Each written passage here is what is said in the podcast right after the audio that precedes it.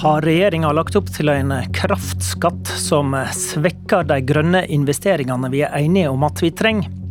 Eller er protestene fra kraftselskapene bare sutring fra en bransje som vasser i penger?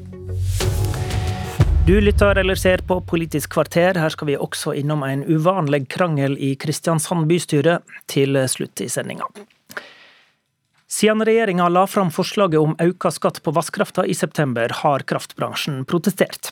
Skal de bli hørt, så er det nå det gjelder, for i dag begynner budsjettforhandlingene mellom SV og regjeringspartiene på Stortinget. I helga publiserte konsernsjefer for fem store offentlig eide kraftselskap i Sør-Norge en kronikk i VG, der de hevder at regjeringa sin foreslåtte skatt på vannkraft vil gå utover satsinga på fornybar kraft. Og hvordan gjør den det, Steffen Syvertsen, konsernsjef i Agder Energi? Den reduserer vår mulighet til å investere i ny fornybar energi fordi den tar bort finansiell løfteevne. Den har òg en innretning som gjør at vi ikke får de rette insentivene til å investere i ny fornybar energi. Og For meg så er det et stort paradoks. I dag starter klimatoppmøtet i Egypt. I tillegg har vi en energipriskrise i Europa, og vi har strømpriskrise i Norge. Løsningen på alle de tre det er mer fornybar energi. Og det var det vi burde hatt enda sterkere insentiver til å investere i.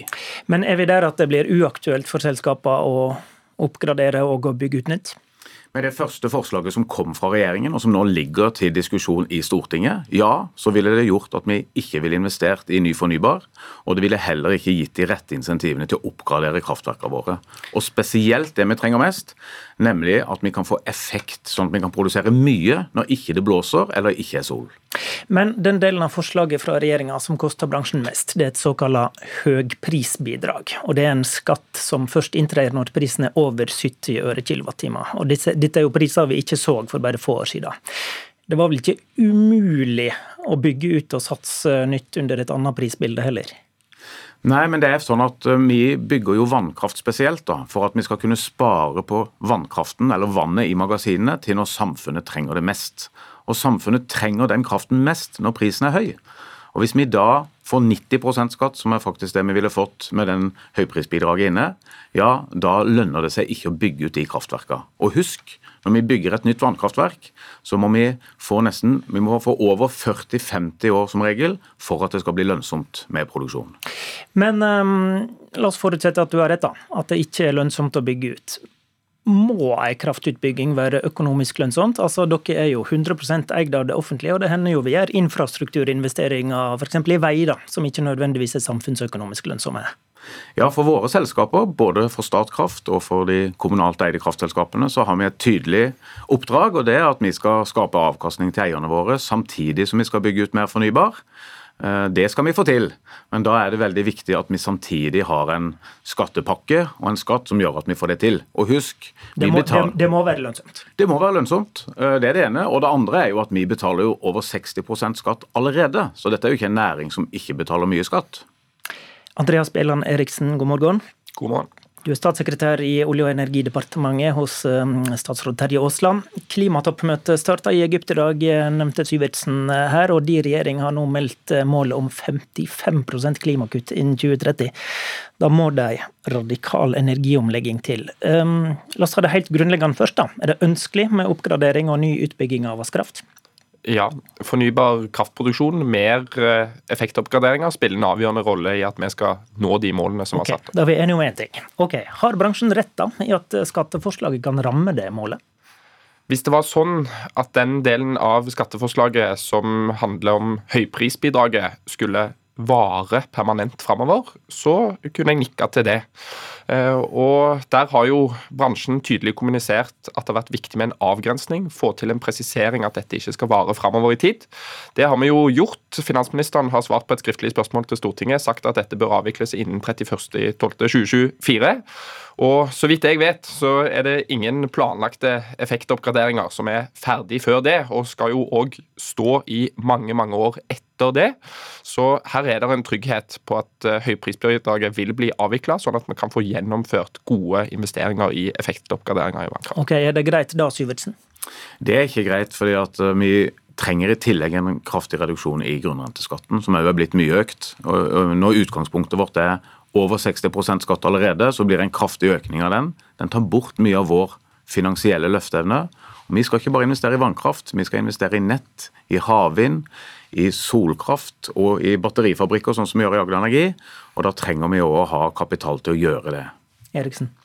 Altså Her er det to effekter vi egentlig snakker om på en gang. Den ene delen av det handler jo om uh, statens uh, utgifter. Uh, det er jo ekstraordinære utgifter på i størrelsesorden 100 milliarder kroner i dette statsbudsjettet. og Der har det vært viktig å finne en god måte å hente inn penger på, som ikke rammer de som har minst hardest. Finne gode omfordelende tiltak. Det bidrar jo både grunnrenten og høyprisbidraget til på en avgjørende måte. Og Så er det jo viktig å nevne at grunnrenteskatten òg virker sånn Eh, at vi som fellesskap er med å ta en større del av investeringskostnaden når grunnrenteskatten økes, mot at vi får en større andel av den kontantstrømmen som skal eh, skapes i neste omgang. Altså staten skal bidra mer til investeringene? Det ligger et investeringsinsentiv i grunnrenteskatten og eh, i at den økes, der fellesskapet bidrar til å ta mer av investeringskostnaden. Men, men det er jo åpenbart, det har regjeringa snakka lenge om, at det er trange økonomiske tider og et vanskelig vanskelig budsjett. Men er ikke faren her at dere løser neste års budsjettfloke med, med, med, å skjerpe skatten til, til Syvertsen og hans selskap som sitter her, mens du egentlig rammer det langsiktige problemet, da, som dere også har eh, snakka mye om, at det underliggende problemet er jo for lite produksjon? Altså, jeg mener at denne regjeringen gjør mange viktige tiltak for å få opp kraftproduksjonen. Vi har jo prioritert 165 millioner kroner til å styrke energimyndighetene f.eks. For, eksempel, for å få fortgang i konsesjonsprosesser, få opp satsinga på havvind, gjennomføre mange av de tiltakene som vi trenger for å løse energikrisen både på mellomlang og på lang sikt. Men så må vi ikke i det glemme det kortsiktige bildet. Vi har en strømstøtteordning som neste år kommer til å koste oss over 40 milliarder kroner. Hvis vi ikke klarer å finne gode måter å finansiere den på, så vil det skape mye mer ustabilitet, mye mer fare for at vi ikke klarer å bevare den roen, forutsigbarheten, som kraftbransjen trenger. Så her har vi gjort vårt for å finne en balanse mellom å løse korte og langsiktige utfordringer. Og Syvertsen, ditt selskap har jo hatt eh, enormt gode resultater. Er ikke det bare rett og rimelig at dere bidrar på den måten eh, statssekretæren snakker om her? Vi ønsker som regjeringen fornuftige priser til folk flest. Vi ønsker fornuftige priser til industrien. Industrien, Industri Energi i LO, sier veldig tydelig at de ønsker å få bygd ut mer fornybar energi. Det gir lavere priser for folk flest. Og så er det også sånn at når regjeringen samtidig med at de øker kraft skatten for vår bransje som skal bygge ut fornybar energi, så har de gitt en oljeskattepakke som gir omtrent den samme inntekten til staten, nei, til, eh, til oljeselskapene, som gjør at de får lavere skatt. Så med dagens klimatoppmøte og de store utfordringene vi har for å nå halvannengradersmålet, så syns jeg det er en feil skattepolitikk. Hardere skattlegging av fornybare kraftanlegg enn av fossilbransjen?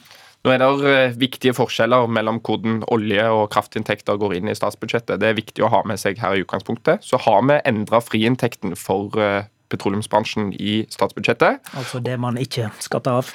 Og så vil jeg avslutte med å si eh, at vi gjør jo grundige vurderinger av de innspillene som kom underveis. Jeg mener at den avgrensningen som har gjort i tid med tanke på høyprisbidraget, er viktig. Den gir gode signaler om hva som vil gjelde framover, og det håper jeg og tror at bransjen òg lytter til. Ja, ok, Før du avslutter helt, da, for din eh, finansminister Vedum han sier i Klassekampen i dag at vi skal selvsagt gjøre tilpassinger, sier han. Er det, er det det du også antyder her nå, da, at det kan komme endringer i dette systemet? Altså, Jeg sier at vi grundig vurderer alle de innspillene vi får, og vi har gjort avgrensninger basert på de innspillene for å legge til rette for at det skal være gode insentiver til å investere i kraftproduksjon framover. Blir du eh, betrygga, Syvertsen? Jeg håper at vi neste gang det skal innføres skatteendringer for vår sektor, kan sette oss ned og ha en større og dypere konsekvensutredning sånn at ikke vi ikke kommer i denne situasjonen igjen. Og så er jeg selvfølgelig glad for at vi nå kan diskutere justeringer av denne mekanismen, sånn at vi fortsatt kan investere i fornybar energi, for det er det vi ønsker aller mest. Takk til Steffen Syvertsen, eh, konsernsjef i Agder Energi, og takk til Andreas Bjelland Eriksen, statssekretær i Olje- og energidepartementet.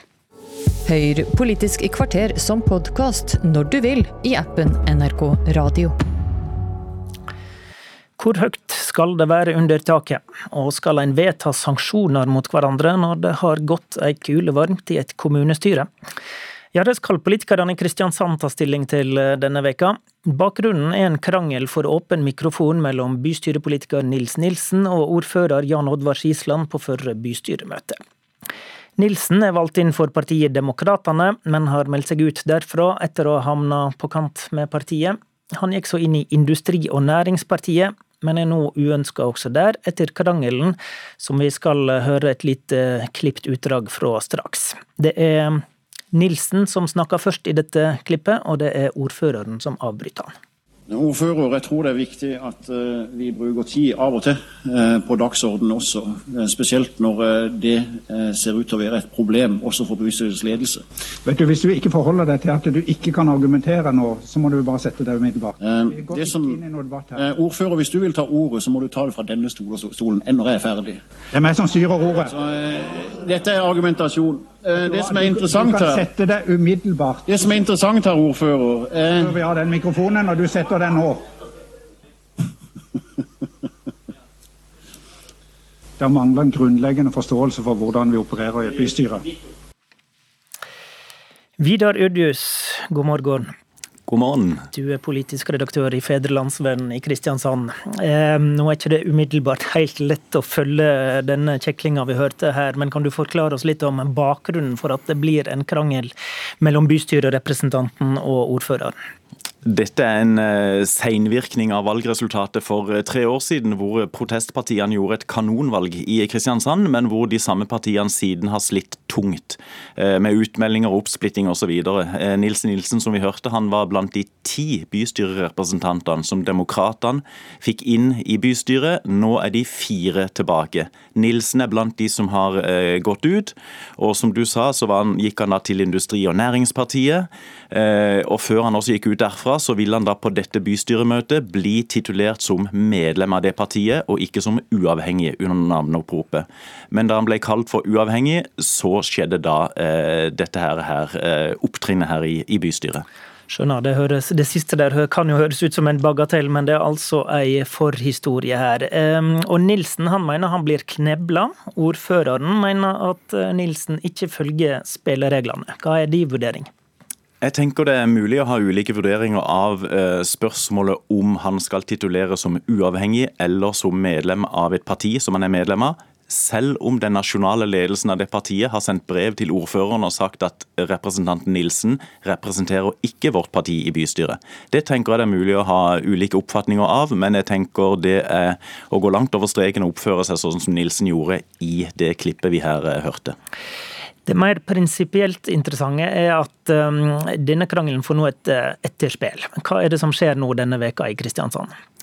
Eh, mandag ettermiddag kveld så har eh, de politiske partiene har gruppemøter i Kristiansand. Der skal de diskutere hva slags etterspill denne saken skal få, og så skal de da avgjøre dette her da i formannskapet onsdag. Og så er det også bystyremøte onsdag kveld, så onsdag kan egentlig bli, bli litt av en dag her i Kristiansandspolitikken. Og da er det eventuelt sanksjoner mot Nilsen, da? Er det det vi snakker om?